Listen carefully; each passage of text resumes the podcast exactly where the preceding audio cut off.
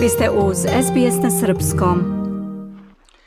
Australijski gitarista Tommy Emanuel u okviru ovogodišnje svetske turneje održao je u četvrtak koncert u Novom Sadu na sceni Srpskog narodnog pozorišta.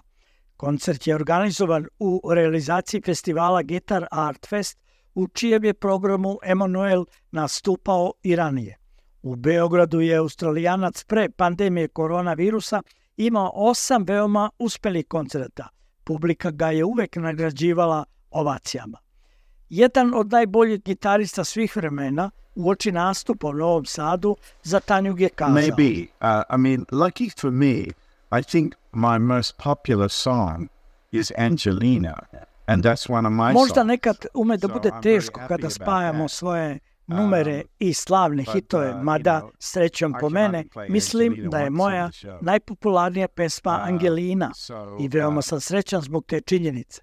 Ipak Angelinu mogu svirati samo jednom tokom koncerta. But I'm, I mean, people love to hear the way I play the Beatles music because it's different. Opet, publika voli način na koji ja sviram muziku Beatlesa, jer je drugačija. Njihova muzika je toliko uh, prelepa, predivna, bezvremenska. Moja interpretacija pruža auditorijumu šansu da vide i osete šta ja mogu da uradim sa tom muzikom. And it also it gives me a chance for people, it gives people the chance to see what I can do with this music. Oda Angelina je inače jedna od najlepših kompozicija u stvaralaštvu Tomija Emanuela i posvećena je njegove čerki koja se zove Angelina. Najveći rock and roll časopis Rolling Stone proglasio je Emanuela za najbolji gitaristu 1990. godine. Na aktuelnoj turneji uveliko je prošao Ameriku, rodnu Australiju, Italiju, Mađarsku, u sredu je svirao u Zagrebu.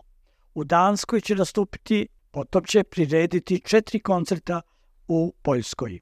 Iz Beograda za SBS Hranislav Nikolić. Želite da čujete još priča poput ove? Slušajte nas na Apple Podcast, Google Podcast, Spotify ili odakle god slušate podcast.